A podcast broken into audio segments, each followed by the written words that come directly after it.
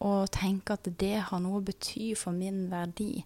Det at eh, jeg tenker at jeg er dårligere enn andre, eller jeg tenker at jeg ser dårligere ut, jeg får mindre ting til. Hvordan dømmer du den tanken, og hva er en tanke for deg? Er det en ting som, som eh, får styre livet ditt, eller er det bare en tanke? Et symptom på en negativ følelse den dagen?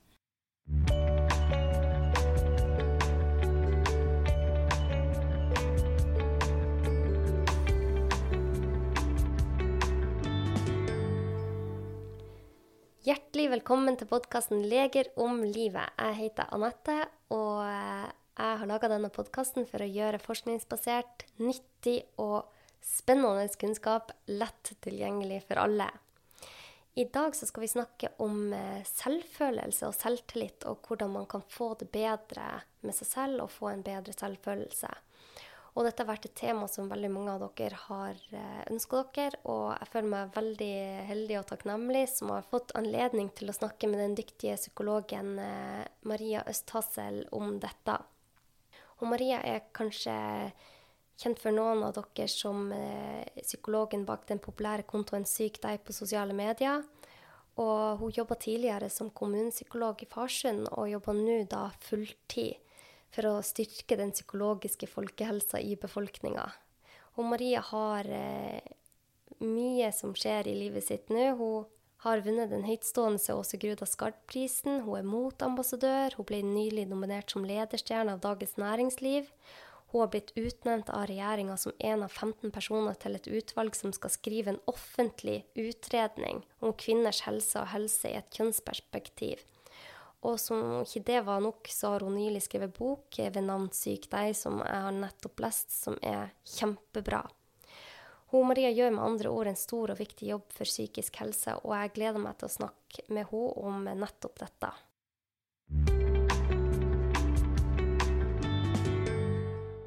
Ja, i dag er vi så heldige å ha hun Maria Østhassel eh, som eh, gjest. Hun Maria hun har jo eh, som jeg sa i introen, eh, gått fra kommunepsykolog i Farsund til prisbelønt eh, sosiale medier-psykolog. Hvordan gikk den veien der, Maria?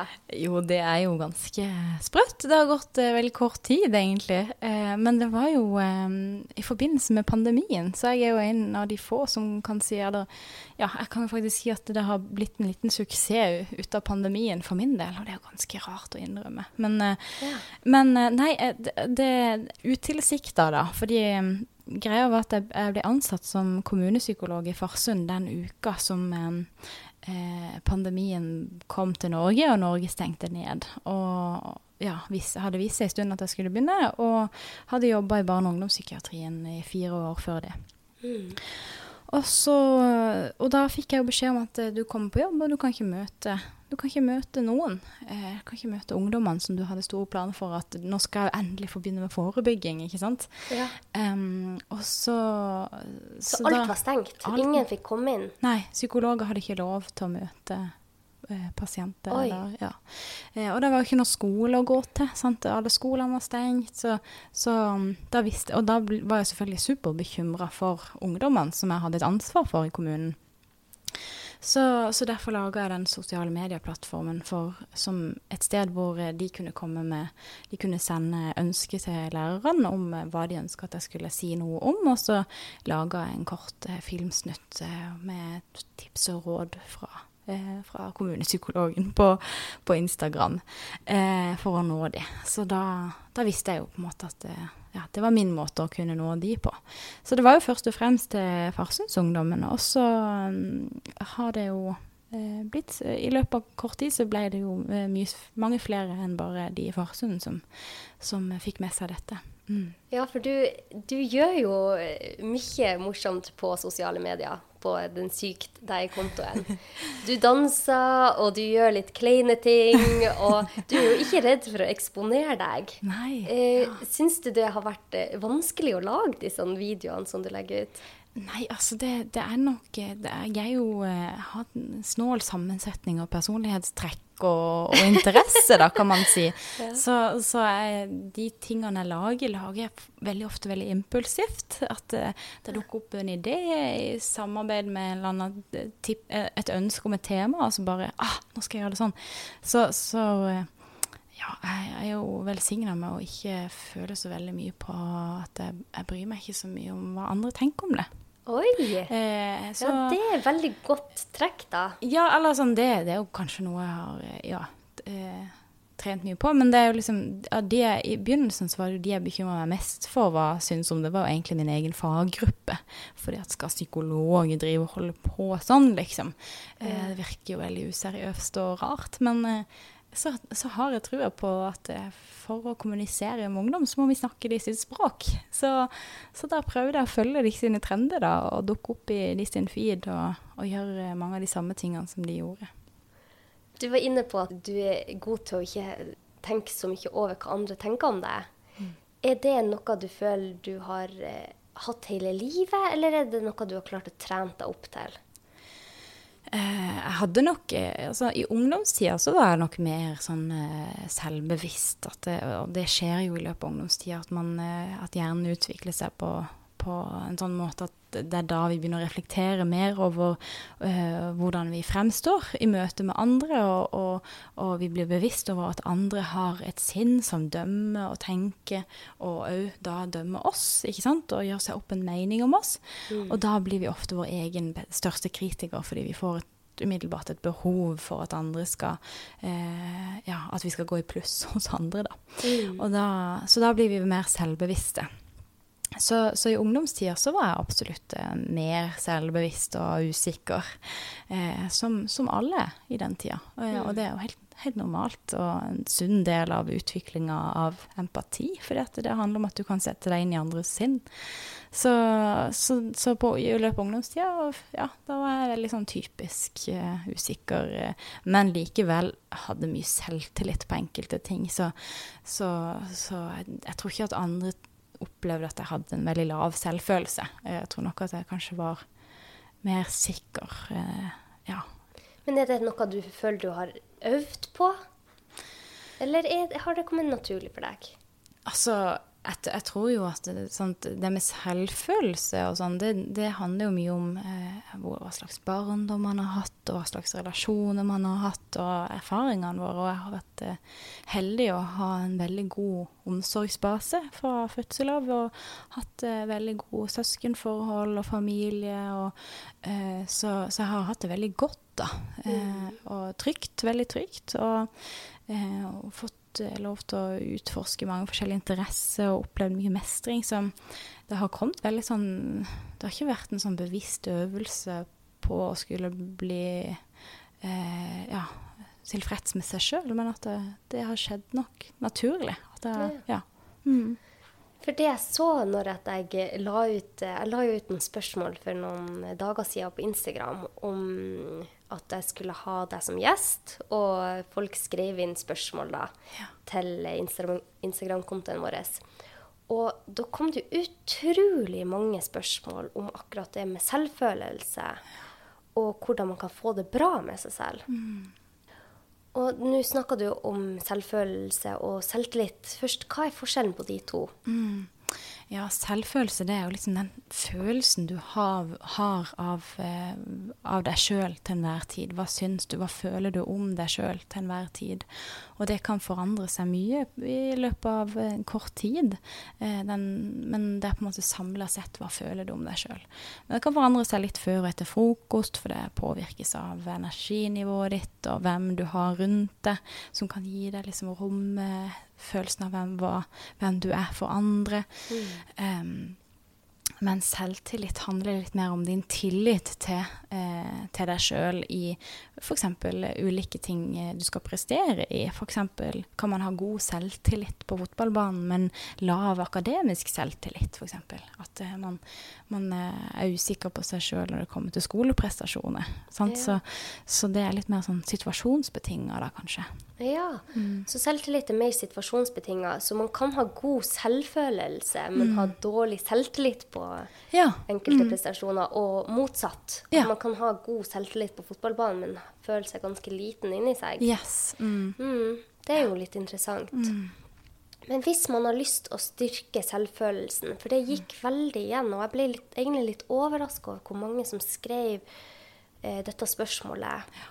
Eh, så det er veldig vanlig. Mm. Eh, eller eller er det det? Mm. Opplever du at mange spør deg om dette? Ja, absolutt. Ja, ja. Det opplever jeg at det er et tema som går igjen. Eh, at folk eh, opplever at de mangler verdi, på en måte.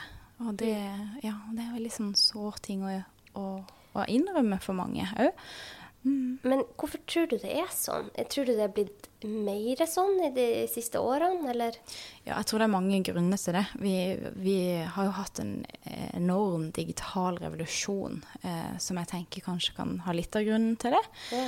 Eh, vi har aldri på noe som helst tidspunkt skulle måtte forholde oss så, i så stor grad til hva alle andre gjør til enhver tid. Mm. Å se at andre er samla, og se at andre presterer, og se at andre eh, gjør ting som gir de mestring. At de er på fjelltoppturer, at de reiser hit og dit, og at de har, eh, de har det så flott og fint hjemme.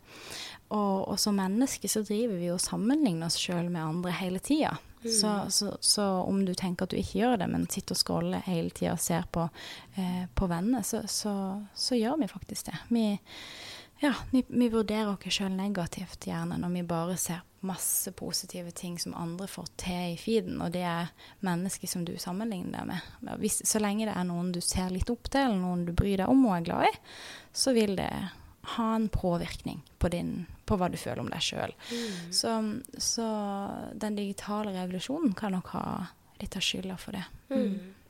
Så hva skal man gjøre da, hvis man ønsker å få bedre selvfølelse? Mm. For det, det, var ei som skrev til meg en veldig sånn trist melding der det sto at hun hadde mista hun hadde mista truen på seg selv, og at hun var verdt noe. Mm. Og da måtte jeg jo skrive til henne at eh, det er jo alltid en mening med at akkurat du er i denne verden. Jeg har i hvert fall trua på det. Jeg har, er helt bunnsolid tro på at hver og en av oss er her for en grunn. Mm. Hva ville du sagt til en sånn person mm. for å komme seg igjen og forstå hvor verdifull han eller hun er? Mm.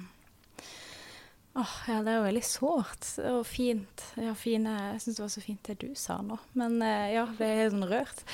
Uh, ja, sant, hva kan man gjøre for å styrke den følelsen der, da? Um, der er det jo mange ting man kan gjøre. Og så vil jeg jo si det at det er, det er, jo veldig forskjellig fra person til person, og jeg tenker at det er så komplekst og sammensatt hvorfor et menneske har eh, en lav selvfølelse, og at det er mm. forskjellig fra person til person. Men noen sånne generelle ting som man vet at er helsefremmende for den psykiske helsa vår, da, det er jo f.eks. dette med relasjonene våre. Mm. Hvem er det du har rundt deg? Eh, og er du trygg i dine tilknytninger? Og eh, kjenn etterpå når du er med vennene dine eller med kjæresten din og familien. Eh, er det blir du speila på en sånn måte som du kan kjenne deg igjen i, og som du liker? Har du fått den posisjonen av de rundt deg som du trives med? Fordi, fordi det er litt sånn noen ganger at vi, vi, vi tar den plassen som er ledig, på en måte, og, og blir litt sånn eh, blir litt stuck i posisjoner i en vennegjeng som har vedvart over tid, og så eh, føler man at man ikke helt klarer å eh, få vist sitt sanne jeg noen ganger. Mm. Eh, så det å ta en titt på relasjonene sine, og legg merke til om du, om du blir speila og sett. Blir du sett for, for, den du kjenner at du er, eller sitter du der med, med liksom maske på det? For hvis du har på deg den maska, så vil, vil jeg anbefale å, eh, å, våge å løfte den av seg litt, og, og vise, vise sårbarhet i møte med disse menneskene, og så gi uttrykk for hva du trenger. Hva, hva mm. trenger du av disse menneskene? Og hvis, hvis, du har gjort det, og, og prøver det mange ganger, og det ikke endrer seg, så, så går det faktisk òg an å fornye relasjoner. Mm. Ja. Så, så, relasjonene våre har veldig mye å si for, mm. eh, for hva vi føler om oss sjøl, rett og slett. Og det gjorde jo når du sier det med relasjoner, for jeg syns det er så fint sagt det du sier, de gjorde en studie, en Harvard-studie over er det 30 år. Nå, jeg skal ta og legge den ved i shownotes på podkasten. Men der de fulgte personer i kjempemange år, 30-40 år, og så så de på hva var det som gjorde at enkelte mennesker hadde det bedre og mm. levde lengre. Mm. Og den faktoren som viste seg å være den aller viktigste faktoren for både å leve et godt liv, men også å leve et langt liv, så det har innvirkning på livstida di, er, var relasjoner. Mm. Det spilte ikke noen rolle om de var, levde i fattige kår eller i rike kår, mm. eh, hvordan jobber de hadde. Det som var det aller viktigste, var relasjonene. At de hadde gode, næringsrike relasjoner. Mm. Er ikke det utrolig? Jo, det, og det Ja, det sier så mye om altså, sant, Nå har vi vært inne i en pandemi hvor vi ikke har fått møtt så mange. Og ja, så har jeg vært veldig bekymra for akkurat det der. For vi trenger, vi trenger å bli sett. Ja. Og vi trenger det fysiske møtet. For det er når vi faktisk er sammen fysisk, at vi blir speila, hele vår kropp blir observert. Og det, trenger, det er akkurat som du sier, jeg syns det er så fint ord, den næringa vi får. For det er faktisk det er mat for hjernen og for, ja. for kropp og sjel og sinn å være sammen eh, med de som gjør oss godt. Mm. Mm. Så det første rådet ditt er rett og slett å se på relasjonene sine, mm. og så prøve å hente ut det gode i de relasjonene du har. Mm. Og kanskje til og med få nye relasjoner hvis du føler at du mangler noe. Mm. Ja, og tørre å si liksom hva du trenger, og, og om du har et ønske om at noe skal endre seg, så si at nå har jeg lyst til å prøve å være litt sånn en periode. Og bare bare være helt ærlig på det. Nå kommer jeg til å forandre meg litt. Eh, ja. Og forberede de litt på det. Så det, det, vi skal jo utvikle oss. Det er jo sånn vi er. Men eh, ja, så det er jo, det er jo ett råd. Dette med relasjoner, se på det. Og så eh, et annet råd er jo å se på tankene sine. Eh, fordi selvfølelsen vår er jo påvirkes jo òg veldig mye av hva, hva tanker, tankeinnholdet vårt, eh, og hva, hvordan vi vurderer tankeinnholdet vårt, om vi tror på tankene våre. Eh, for, for, det som er at tankene våre er jo gjerne bare et symptom på en følelse. En uh, negativ følelse. Og, og, vi mennesker vi har jo masse negative følelser. Det, trenger vi jo. Vi trenger å bli redde fordi det beskytter oss. Vi trenger å bli triste for det er vitne om at vi bryr oss om noe. Eh, så, så, de negative følelsene, de trenger vi. Men hvis vi, hvis det, hvis vi tenker hvis vi får mange negative tanker om eh, om oss sjøl, og tenke at det har noe å bety for min verdi. Det at eh, jeg tenker at jeg er dårligere enn andre, eller jeg tenker at jeg ser dårligere ut, jeg får mindre ting til. Hvordan dømmer du den tanken, og hva er en tanke for deg? Er det en ting som, som eh, får styre livet ditt? Eller er det bare en tanke, et symptom på en negativ følelse den dagen? Mm.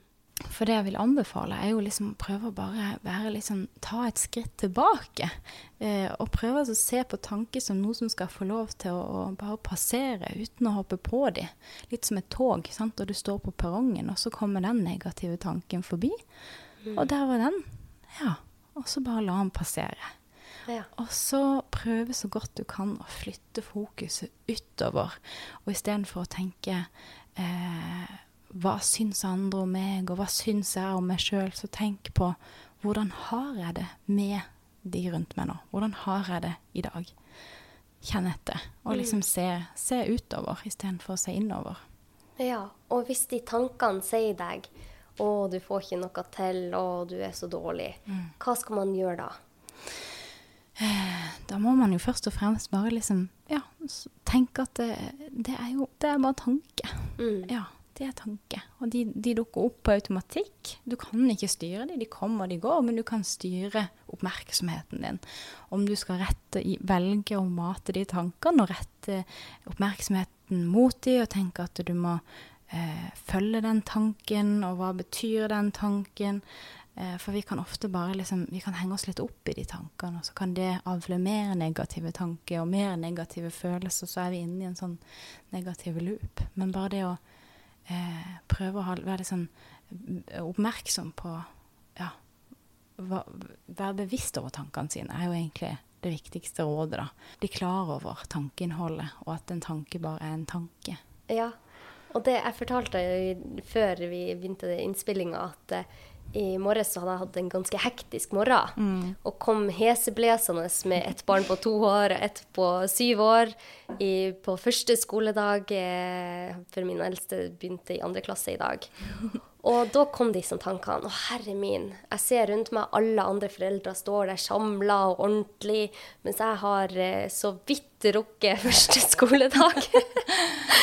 og da begynner tankene å komme. Herre min, hvorfor klarer jeg ikke engang å komme tidsnok til første skoledag? Å, hvorfor er jeg så uorganisert? Ikke sant? Disse tankene, ja. dårlige tankene som vi alle får. Men så tar jeg meg i det, for jeg blir god på å øve på det her. Så tar jeg meg i OK, nå kommer disse destruktive tankene. Det er bare tanker. Eh, det er ikke meg. Så da går jeg rett bort til noen mødre som jeg vet er fantastiske folk, og som vil støtte meg. Så går jeg og så sier jeg, 'Herre min, for en stressende morgen'. Mm. Og da sier jo fantastiske mora til en av guttene i klassen sier jo, 'Jeg er helt enig hverdagen slo meg i trynet med et slag i, morges. ja. Ikke sant? Og da er jo den brodden tatt av. Og ja. de tankene jeg hadde om at jeg ikke var nok, og alt ja. det her, det bare fordufta. For jeg sa de høyt. Og ofte jeg føler òg at mange av disse tankene er jo også bundet på skam. Mm. Man skammer seg for at man ikke er god nok eller ikke gjør mm. sånn som alle andre. Mm. Men jeg syns det er så bra det er ei som heter Brené Brown, som sier at skam Det er én ting skam ikke tåler, og det er dagens lys. Mm. Så ved å si det høyt, så mm. blir det som regel mye bedre. Ja, nettopp. Jeg vet ikke hva du syns om det. Nei, Det var veldig fint. Da har du på en måte Ja, da retter du oppmerksomheten utover. Du, du projiserer ut følelsen, eller tanken, sant. Ja. Og med en gang man eh, man tør å se på noe. For da har du det plutselig utenfor deg sjøl, og så ser man på det, og så da sprekker trollet når du får se dagens lys. Ja, trollet. Mm. Og du skrev jo det i boka. Du har jo skrevet bok som heter Syk deg, sånn kjempebra. Eh, og da skrev du det der med styggen på ryggen. Ja. Hvordan man skal bli. Hvordan man ja, hva, hva, var det du skrev der i det kapitlet? Det var så fint. Ja, altså eh, Jeg er jo litt sånn opptatt av hvordan man snakker snakker, språket vårt, og hvordan man snakker til seg sjøl og om seg sjøl eh, sammen med andre. Det tenkte jeg jo liksom som et sånn tredje tips her, da. Eh, at eh, språket vårt er med på å konstruere eh, verdenen vår. Vi erfarer verden ut ifra hvordan vi formidler at verden er. Hvordan vi snakker om verden påvirker hvordan vi føler at verden er. Så, så det å bli klar over det språket vi har, eh, legge merke til hva du sier om deg sjøl til andre For hvis det sånn, Det du sa i stad, det var jo faktisk du du snakka om følelsen, hva du følte i dag. For en, for en stressende dag. Mm. Og det er jo en følelse som alle kan kjenne seg igjen i der. Og så på en måte ah, Da blir jo følelsen enklere å bære, og plutselig så er den ikke så, så vanskelig. Det var, det var, jo helt legitimt å føle det. Um, og det er jo ofte følelse. Og så eh, Men hvis du på en måte hadde sagt, sagt noe om at åh, jeg føler meg udugelig i dag som mamma, sant? og sagt, brukt veldig negative ord om deg sjøl eh, så ville jo kanskje de andre mødrene tenkt De tenkte kanskje i utgangspunktet at du kom der og liksom klarte denne morgenen kjempebra og ser opp til deg som mamma. Og så vil det påvirke hva de tenker om seg sjøl som mamma. Sant? Ja. Så, så, det å, å, være klar over at det vi sier om oss sjøl til andre, det påvirker hva andre syns om seg sjøl òg. Og òg hva du syns om deg sjøl. For hvis du driver og sier hele tida at jeg er udugelig, eller at eh, Altså sånn eh, Særlig så gjelder dette det med kroppsbildet. Hvis vi sier at åh, jeg er så tjukk, eller jeg er ikke noe fin, og, eh, så tror hjernen på det etter hvert. At ja. det er sant eh, jo flere ganger du sier det, jo mer sant blir det for hjernen. Um, og så blir det òg eh, Så påvirkes andre òg veldig mye av de tingene du sier om deg sjøl. Så mm. hvis venninna mi, som jeg syns er nydelig, sier at uh, hun åh, jeg, ikke, jeg orker ikke gå i bikini i sommer, for jeg, ser, uff, jeg føler meg ikke fin, liksom. Så blir jo jeg sånn men, men, du er jo du er nydelig. Liksom, og jeg syns jo du er nydelig, og liksom, hva, skal jeg synes om meg sjøl da? På en måte så, så, vil jo mange oppleve at de blir usikre på seg sjøl. Um, og det viser jo studier jo at, at andre blir smitta av andres uh, uttalte usikkerhet hvis man snakker mye negativt om seg sjøl. Det var veldig interessant. Mm. Og det er jo liksom, som, som foreldre sant, så har vi jo et ansvar der, da. Sant? Mm, mm. Eh, og som venninne og med, medborgere, på en måte. Så, så, lenge vi er klar over dette, eh, så, så, har vi jo kanskje hatt en tanke om at jeg kan si hva jeg vil om meg sjøl, og mobbe meg sjøl så mye jeg vil, for dette er jo bare meg sjøl. Men, men, det går faktisk ut over andre. Da har vi jo plutselig et ansvar for hvordan vi snakker om oss sjøl. Ja. Så det man kan begynne med, er å hvis disse tankene kommer om at 'Å, herre min, jeg ser stygg ut i bikini', mm. så skrev du i boka det syns jeg var så fint, at du heller skulle fokusert på de tingene du var fornøyd med. Mm. Hvis den kommer opp, så mm. må Man trenger ikke å dytte den bort, men man mm. kan akseptere 'OK, der kom den tanken'. Mm. Men 'Å, hvor fin jeg er på håret'. Mm. Eller var ja. det noe sånt du skrev? Ja, ikke sant. Å rette oppmerksomheten på de tingene du setter pris på. på en måte. Hva er jeg glad for? Er, hvor føler jeg liksom tilfredshet? Eh, for det er jo sånn det å klare å være takknemlig over noen ting ved seg sjøl, hvis vi klarer å rette oppmerksomheten mot de tingene, så trener du hjernen opp til å bli takknemlig for hvem du er, og hvordan du ser ut. Så, så hvis vi legger mer vekt på det, og ikke på de tingene vi er misfornøyd med, ja. så vil du trene opp evnen til å være takknemlig og fornøyd med deg sjøl, på en måte. Det er veldig interessant, for det blir nesten som en muskel, da. Ja, du trener opp det som mental trening, og det, ikke, mm. det kan høres klisjé ut, men det stemmer jo. Studier viser jo det, som ja. du sier. Mm.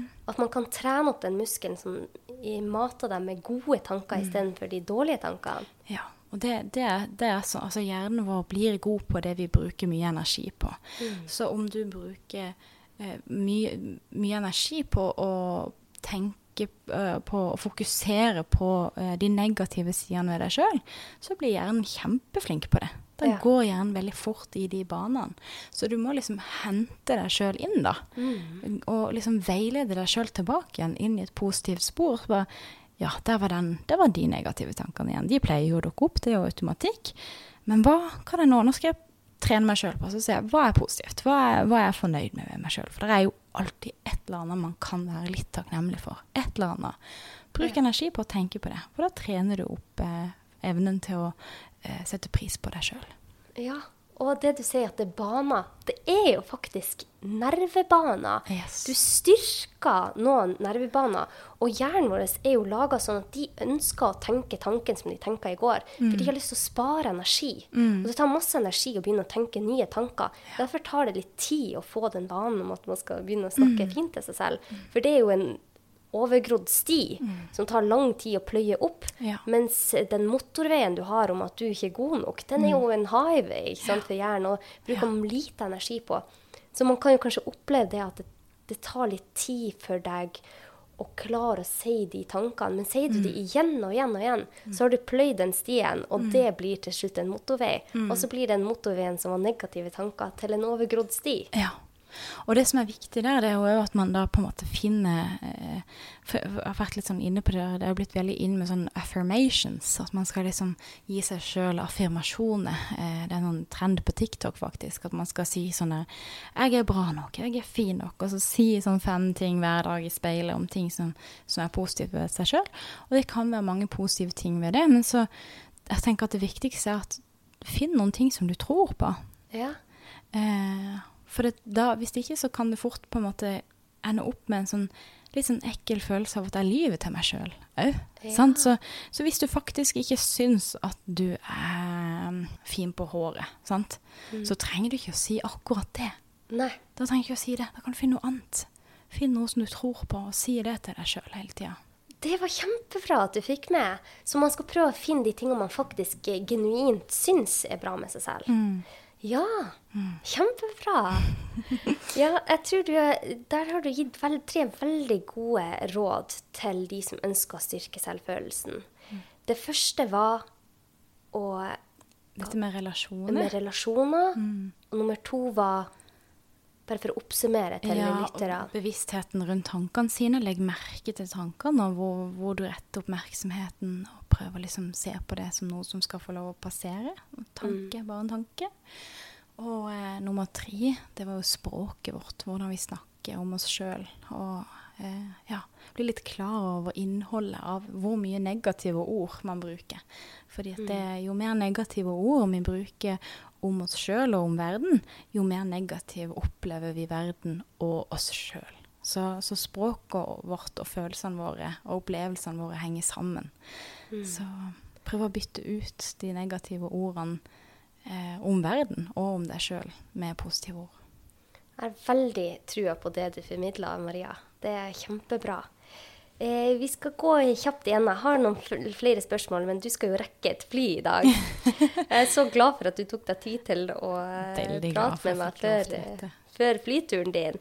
Eh, men jeg hadde noen spørsmål. Du har jo plutselig blitt offentlig. Bare på et år så har jo du blitt en offentlig person. Ja. Har du syntes det har vært vanskelig, eller syns du det er bare bra? Eh, altså, eh, i starten, på en måte, sånn, eller i lang tid nå, så har det jo vært pandemi, så jeg har på en måte ikke vært eh, lagt merke til min nye posisjon, egentlig. Eh, jeg har jo omgått de samme menneskene hele tida, så jeg har ikke vært sånn klar over at jeg har blitt eh, en offentlig person før når, jeg, når, når Oslo har åpna opp igjen, og jeg legger merke til at folk kjenner meg igjen. Det er jo en veldig det er en veldig ny og rar erfaring som på en måte kanskje gjør meg litt mer selvbevisst. da. Ja. Eh, at eh, shit, nå må jeg jo liksom tenke at når jeg sitter her på hotellfrokosten og jeg ser at noen ser på meg, liksom. Så, ja. hvorfor Er det fordi at de vet hvem jeg er? Liksom? Ja. ja. Så det, det, er en veldig ny og rar erfaring, og når det skjer veldig fort, så må man på en måte bare være veldig klar over hva de kan gjøre med det. Så mm. ja, jeg har, har jobba veldig mye med de tankene der, og det er jo et veldig sånn stort valg å ta. Jeg hadde jo en trygg, fast stilling eh, som kommunepsykolog, men det å, å, skulle liksom ta den samfunnsstemmen, da, ja. eh, som krever at man eh, sier fra seg litt privatliv, egentlig, mm. Eh, det er jo litt sånn Ja, det, det, det har, vært, eh, har gått noen runder med det før, eh, før jeg valgte det. Og hvordan For at når man Egentlig oss alle vil jo eh, møte på motgang og kritikk. Mm. Har du noen tips til hvordan man møter på det på best mulig måte? Mm. Ja, altså sånn eh, Jeg opplever jo at det er noen eh, sånne eh, negative troll, som man kan kalle det, i innboks og i kommentarfeltet innimellom. Mm. Og det det jeg prøver på, er jo Altså, min fordel med det jeg gjør, er jo at jeg identifiserer meg ikke så mye med det. Det er jo liksom sykt. Det er en rolle, det er en karakter. Jeg tenker i forhold til andre influensere som spiller veldig på sitt liv, da. Og tar de helt nær og inn på i familielivet, på en måte, og eh, som spiller på sitt navn. Eh, så, så, blir veldig, så blir det ikke så stor avstand mellom, mellom hvem de er på privatlivet og hvem de legger ut, utleverer at de er. Mm. Eh, og at de, når de da blir kritisert der, så, så, kritiserer de jo faktisk personen. Men jeg opplever jo at de som kritiserer eh, det jeg gjør, kritiserer kanskje det jeg gjør, eh, men ikke meg som person. Så, så jeg, jeg, jeg, jeg, har ikke så vanskelig jeg, jeg, blir ikke ødelagt av en negativ kommentar. Jeg prøver å møte det med eh, ja, takknemlighet er egentlig bare prøve å spørre, være nysgjerrig på OK, dette velger jeg å ta konstruktivt. Og hva, hva, tenker du? Hva kan jeg gjøre annerledes? Og hvordan burde jeg gjort dette for at det kunne blitt eh, enda bedre? Og vil gjerne ta imot tilbakemelding. Mm. Oh, det er veldig bra. Hvordan syns du For du er jo god da til å ta kritikk og ta negative kommentarer på en god måte. Har du noen råd til andre? Hva er best mulig måte å ta kritikk på? Ja, altså, jeg tror jo at eh, vi, vi gjør oss sjøl en tjeneste hvis vi kan innrømme vår egen tilkortkommenhet. Mm. For vi skal jo utvikle oss, og vi skal jo eh, Vi er jo Ingen her er jo ferdig utlært, og vi har så mye å gå på alle sammen. Og det er jo en fin ting, at vi alltid kan strekke oss mot noe. Eh, så det å, å, eh, se på eh, kritikk som, som, noe man kan lære av, det tenker jeg er veldig viktig. Og, og i det så tror jeg at det er viktig at man, litt som jeg snakka om i stad, f.eks. for, for du som lege, hvis du får en pasient som er misfornøyd med, med, det du har gjort, så er det jo faktisk det du har gjort, en ting som du har gjort, som, som de ikke er fornøyd med. Det er jo ikke deg som menneske. Mm. Det, er, det, er, jo to helt forskjellige ting. Det er jo mm. faktisk oppgaven som vedkommende skulle ønske var blitt forvalta på en annen måte. Mm. Det, ikke, det, går ikke på deg som at du ikke er god nok som menneske. Sant? Så det å skille de to tingene, jobb og, eh, jobb og person, liksom. Sak og person. Mm. Og det er kanskje sånn i de fleste tilfeller at hvis, hvis man velger å ikke ta det så personlig, mm. så blir det kanskje lettere å ta den kritikken. Ja. Mm. At det handler om din rolle i, i den settinga. Og jeg tror jo at der er vi jo forskjellige, på en måte, fordi at Eh, hvis, man, hvis, man, har en lavere selvfølelse, så gjerne Så er det kortere vei til at man tar det personlig, mm. eh, egentlig. Ja. Mm. Det var en del som spurte meg om eh, Som slet med angst. Og det tror jeg Jeg vet ikke, jeg har ikke sett studier, men sosial angst, har det økt nå under eh, pandemien? Det er veldig interessant. I dag så slippes jo uh, ungdatatallene, så det er jeg veldig spent på. For de viser jo litt uh, hvordan ting har blitt og, og endra seg nå i løpet av pandemien. Ja. Men vi, vi, vet jo foreløpig lite om uh, hvordan, dette, hvordan, pandemien har påvirka den psykiske folkehelsa. Det, ja. det, har vi jo liksom Vi ser at spise, spiseforstyrrelsetallene går opp, og at det, det har vært perioder med veldig høy eh, eh, andel eh, henvisninger til spesialisthelsetjenesten. Mm. Så, så det er noe informasjon vi har, men vi vet ikke så mye enda. Nei. Men sånn, når man ser på sosial angst og hva, hva det dreier seg om, så, så, har man hatt god grunn til å mistenke at det kanskje vil bli en økning i det. Fordi at um, eh, For å ikke ha sosial angst, så trenger man jo nettopp å bli eksponert mye for, for andre og få gode, positive opplevelser med andre. Mm. Så, så, i hvert fall de som allerede hadde sosial angst, så, så, kan det hende at de da har en veldig mye lengre vei å gå nå når samfunnet har åpna opp igjen. For da, da, har de jo liksom kunnet leve et komfortabelt liv eh, med bare seg sjøl. Ja. Så da blir det plutselig man blir veldig overstimulert. Mange opplever jo at man blir veldig overstimulert nå. Ja. Og så er det dette med at vi har på en måte lært at eh, det er farlig å være sosial. Og hjernen vår kan jo kanskje tenke at det ja, fortsatt det er farlig å være sosial. Vi fikk jo beskjed om det. Ja. Og, og, hjernen vår reagerer med liksom Når man kommer nær noen, så trekker vi oss litt unna, ikke sant. Um, så også er Vi trenger trening på det sosiale eh, for, å, for, å, være avslappa sosialt. Det er mm. liksom Ja, vi trenger masse eh, bekreftelse på at vi fungerer godt som sosiale aktører, da. Så når vi ikke har hatt så mye trening på en lang tid, så, så kan det jo hende at mange kjenner litt på det når samfunnet åpner opp igjen. Ja, så hva vil være ditt eh, beste tips nå? Det er jo kjempemange som kommer inn i Går fra hjemmekontor til vanlig kontor. Jeg snakka med ja. flere i dag til og med som skulle ha første dag eh, Eh, i fysisk tilstedeværelse på jobben. Ja. Eller de som skal tilbake til studiene sine. Hva er dine råd nå for mm. å, å, gjøre den overgangen så lett som mulig? Ja, um, jeg tenker jo at hvis man, i hvert fall hvis man har en jobb, som, eh, som, du sier, at det er første gang man skal være med flere på lunsjen og treffe, treffe folk, så ha en dialog med lederen din om eh, liksom, hvis du syns at dette er ubehagelig.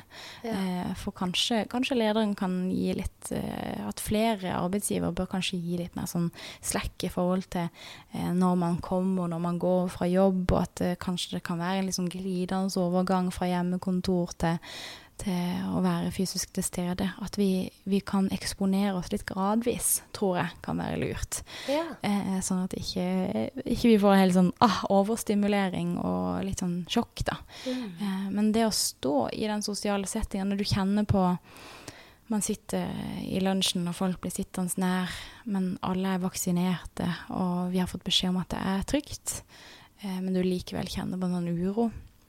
Så bare legg merke til at OK, nå kommer den uroen. og den, eh, den, er jo ikke så rart at kommer, for det er jo veldig uvant for meg, dette her. Og det er jo lenge siden jeg har trent på dette. Mm. Og hvis du klarer å stå i den uroen litt, så vil du merke at den går ned. At eh, hjernen opplever at å ja, det, har ikke skjedd noe farlig ennå. Dette går jo fint. Så går angsten ned etter hvert. Mm. Ja, det syns jeg var veldig godt sagt. Så vær litt tilgivende mot seg selv i starten, for det er veldig mange som er i samme båt. Mm. Og det er kjempemange som kjenner på den uroen av å begynne noe nytt nå. Og ja. vi er så vant til å ha mye hjemmetid. Ja. Bare det å begynne å kle seg i vanlige klær igjen. jeg tror det er mange som går til innkjøp av nye klær nå. Ja. Eh, så bare ett steg av gangen, som du mm. sier. Mm. Det syns jeg var veldig fint. Mm. Og så skrev du litt i boka om det med eksponeringsterapi, eller mm, mm. Jeg husker ikke ordene du sa, men mm. Ja, sant. At um, det var litt det jeg nevnte nå. At um, hvis det er noe du er redd for, hvis du på en måte er redd for å være sosial nå og gruer deg veldig til, til ja, å møte opp i klasserommet eller i skolen, så, så er det litt sånn at uh, hvis, vi, hvis vi kjenner at angstnivået stiger, pulsen stiger og vi blir veldig redd, og å reagere da, når angsten er på det verste, med å forlate situasjonen, ja. så bekrefter vi egentlig til hjernen vår at denne situasjonen er farlig, og fortsatt er farlig. Så derfor bør vi fortsette å unngå. Så blir det en strategi som hjernen tar for å unngå ubehag. Eh, mens hvis du klarer å stå i den angsten en liten stund, så lærer du hjernen at det faktisk ikke var farlig. Ah. Så det å bare kjenne på at bare være klar over at når jeg går inn i denne situasjonen, så kommer jeg til å kjenne på masse ubehag, men det kommer til å gå ned fordi at hjernen er tilpasningsdyktig og vil automatisk etter hvert roe meg ned. Så um, gi seg sjøl litt tid, kjenne at det går ned, og ikke forlate situasjonen idet det liksom piker på det verste, men når du kjenner at det begynner å gå litt nedover, så kan du gå.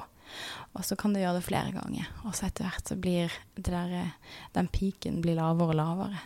Mm. Mm, veldig godt råd. Og så sa du det at, mm, i boka at hvis du er redd for at det skal gå over i panikk For det er jo mm. mange som er redd for at de setter seg ned med lunsjen i lag med kollegaene sine, så er de redd for at det skal rett og slett gå over i panikk. For det føles jo sånn. Hjertet mm. går fort, og du er redd for å si noe dumt. Så hadde du en veldig god pusteteknikk. Ja. Mm. Ja, altså fordi at det som på en måte mater angsten vår, det er jo oksygen. Eh, hjernen vår trenger oksygen. Mm. Eh, og, og, det som skjer når vi, begynner, når vi får angst, er at vi puster veldig sånn eh, overfladisk og kort og raskt. Eh, vi puster veldig Sant? Ja. Og, og, det gjør at hjernen får masse, masse oksygen. Og òg eh, at fryktresponsen vår da blir sterkere. Vi får høyere puls, vi får eh, større aktiveringsmodus. Så, så, det er jo det, du har kanskje sett at folk puster i en pose, ikke sant. Mm. Det er jo nettopp for å, for å, unngå å få for mye oksygen opp til hjernen. Mm. Eh, så man skal selvfølgelig ikke kvele seg sjøl, men, men, det å prøve å ta seg sjøl i at nå skal jeg puste rolig og, og puste sakte, ta et godt innpust og, og, telle mens man puster inn. Man kan telle til sju. Puste inn, ikke sant, og puste ut igjen. Og kanskje telle enda lenger igjen. ikke sant? Og, og bare kjenne det, det, tallet har egentlig ikke så mye å si, men bare være klar over at nå skal jeg puste sakte. Så vil du ikke mate angsten så veldig mye. Nei, og det mm. er så eh, fascinerende det her, det du sier. For man tenker jo at man må få mer oksygen, for mm. oksygen er bra. Men det kan bli for mye, rett og slett. Mm. Så det du skriver at å få lengre utpust enn innpust, mm. det vil roe nervesystemet ditt igjen. Det, det er et kjempegodt triks som vi òg har snakka om tidligere i podkasten, for å rett og slett roe mm. det sympatiske nervesystemet, den fight or flight-responsen som mm. man får når man blir eksponert for noe som gjør deg engstelig. Mm. Og det er jo forskjellig fra person til person hva man er engstelig for. Mm. Du som er veldig glad i å være blant folk, vil kanskje mm. ikke få den men kanskje du møter en edderkopp, og så får du den responsen. Jeg hadde edderkopp forbi som eh, barn og ungdom, ja.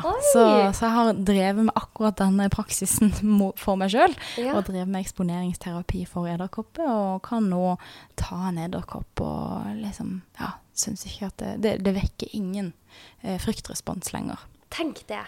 Mm. Og det har du trent opp hjernen din til. Mm. Det er kjempeinteressant, det her. Ja. Åh, psykologi er så spennende. Jeg er så glad, Maria, for at det finnes eh, psykologer som deg, som går ut og lærer oss om hvordan hjernen fungerer, og hva vi kan gjøre for å få det bedre. Det er jeg så takknemlig for at du tar den rollen. I like måte som lege. Veldig, veldig glad for at du gjør det du gjør. Ja. Tusen takk for det. Å, tusen takk. jeg har et siste spørsmål nå, for nå må du rekke flyet. Og det er, det er et spørsmål jeg bruker å spørre alle gjestene mine i mer eller mindre grad. Og det er et litt vanskelig spørsmål, litt stort spørsmål. Men hva tenker du skal til for å få et godt liv? Oi, ja. Det er jo, um, det er jo et stort spørsmål. Ja, det er det. Wow, så, så skal jeg svare for meg sjøl, eller sånn for, for folk generelt, liksom? Ja, for du kan svare for deg selv. Mm. Hva, eh, hva trenger du? Ja, sant. Um, jeg trenger å være tro mot meg sjøl. Mm. Det er kanskje mitt eh, sånn Ja, hvis jeg kjenner en drivkraft, at jeg har mye uforløste greier i meg, så kjenner jeg at livet mitt blir bedre med en gang jeg på en måte Det å ikke ha noe uoppgjort med noen, og det å eh, være oppriktig, leve et mest mulig oppriktig liv, være tro mot meg sjøl eh, og mine behov og mine relasjoner, eh, det, det gir meg eh, en ro og tilfredshet. Mm. Mm. Det tror jeg er stemmer for veldig mange andre. Jeg kjenner meg i hvert fall veldig igjen i det du sier. Og eh, bare Ja. Ja, jeg kjenner i hvert fall at det, det har blitt veldig mye bedre for meg når jeg har akseptert hvem jeg er, og er den jeg er fullt og helt. Det høres litt klisjé ut, men det gjør at eh, man har det bedre med seg selv. Ja. Tusen hjertelig takk for at du ble med i podkasten, Maria. Tusen takk for invitasjonen. Veldig glad for dette. Og lykke til med Du har eh, noe som eh, eh, lanseres i dag. Det er faktisk akkurat nå, om ett minutt til. Ja, og hva er det? Det er Merkelapp, en serie som skal på Snapshow. Eh, som jeg egentlig lager for eh, å få, formidle noen ting til ungdom. Hvor jeg møter mange forskjellige mennesker, kjente, mange kjente mennesker som, som har ulike samfunnsstigmatiserte De opplever at de har en merkelapp på seg som er samfunnsstigmatisert. Um, så i dag så får vi et første møte med, med Ulrikke Falk, som har en personlighetsforstyrrelse. Ja. Eh, så hun, hun velger i dag å åpne seg opp om den eh, til, ja, til sine følgere. Så det, så det er veldig fint. Mm. Oi, hvor spennende. Det skal jeg følge. Ja. Og jeg kommer til å legge ved en link i podkasten til det. ja, så stas. Og så anbefaler jeg boka di til eh, alle. Den er kjempebra. Bare for å forstå også hva man kan gjøre i forskjellige eh, situasjoner, og særlig for de som har ungdommer rundt seg, så er det veldig nyttig. Hvor ellers kan man finne deg? Jeg, jeg kalles jo Syk deg med PS, Syk deg, på Instagram, TikTok og Facebook. Mm. Ja, bra. Tusen takk for at du ble med. Lykke til. Tusen takk for at jeg vil komme. Veldig glad for dette, og lykke til du òg.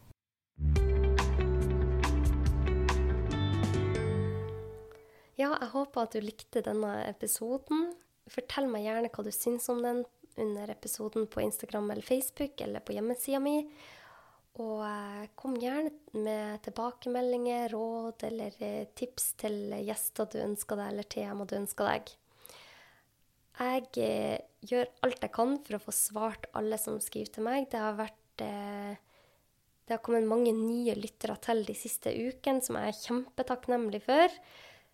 Og det gjør òg at det har tatt litt lengre tid for meg å svare på meldingene jeg har fått. Men jeg skal prøve å svare på hver eneste en. Og hvis det er noen som ikke får svar, så er det fordi at det er så mange steder folk skriver at jeg har mista litt oversikt av og til. Men jeg tror jeg har eh, tatt tak i alle de løse trådene. Men i hvert fall, du skal få svar. Så har du ikke fått svar, skriv på nytt. Eller så har jeg fått vite at det hjelper veldig mye med en liten rating på Apple for at flere skal eh, få vite om denne podkasten, så det setter jeg kjempestor pris på. Og eh, hvis det skulle være noe, så vet dere hvor dere kan nå meg. Tusen takk for at du lytta på podkasten min, og jeg ønsker deg en kjempefin uke. Ha det godt!